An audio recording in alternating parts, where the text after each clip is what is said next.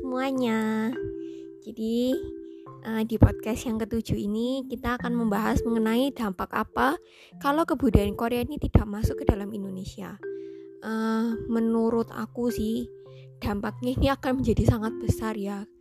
Uh, karena apa? Karena uh, ya aku menekankan lagi bahwa Indonesia ini adalah uh, negara yang sangat tradisional sekali sehingga kalau misalnya sampai uh, kebudayaan Korea ini tidak masuk ke dalam Indonesia, uh, pasti uh, Indonesia ini pasti masih akan berada di negara yang terbelakang gitu. Jadi uh,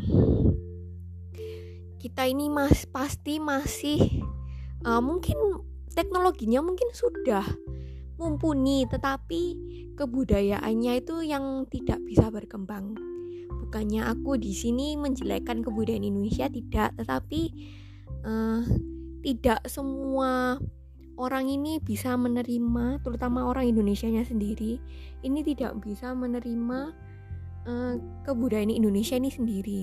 Sehingga uh, tidak ada yang namanya drama Korea, film make up dari Korea dan berbagai macam barang dari Korea. Sehingga Indonesia bisa mendapatkan banyak sekali manfaat seperti manfaat kerjasama antar negara.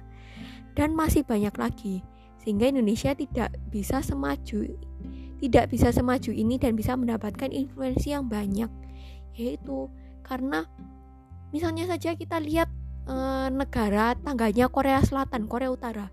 Kalau kalian lihat ya Korea Utara itu kan mereka itu e, negaranya itu negara kalau bisa dibilang uh, orang western itu dia bilangnya itu kayak negara kura-kura gitu. Kenapa kok bisa dibilang negara kura-kura?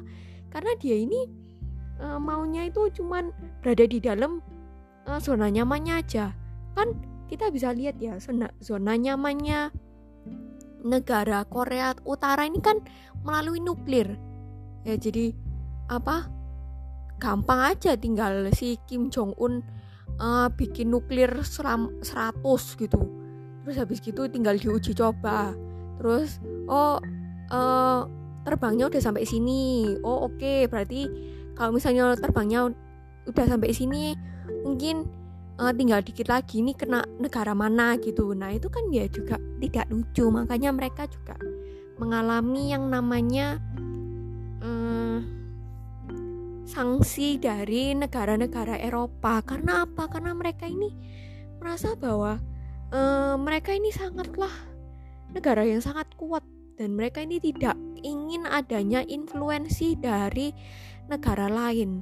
Makanya itu kalau kita lihat di negara Korea Utara itu kan aduh masih sangat tradisional banget orang-orangnya itu masih kalau misalnya bercocok tanam padi itu mereka itu masih pakai kerbau nggak nggak pakai alat-alat yang canggih setelah itu ya masih banyak lagi lah. Uh, seperti itu. Jadi makanya itu kenapa kita ini harus berbangga juga ke negara Indonesia. Karena negara Indonesia ini tidak menutup pintu terhadap kebudayaan-kebudayaan yang masuk. Jadi ya aku berharap sih bahwa Indonesia akan terus maju. Ya jadi oke. Ini adalah penghujung dari podcast kita So, see you on the next episode. Annyeong!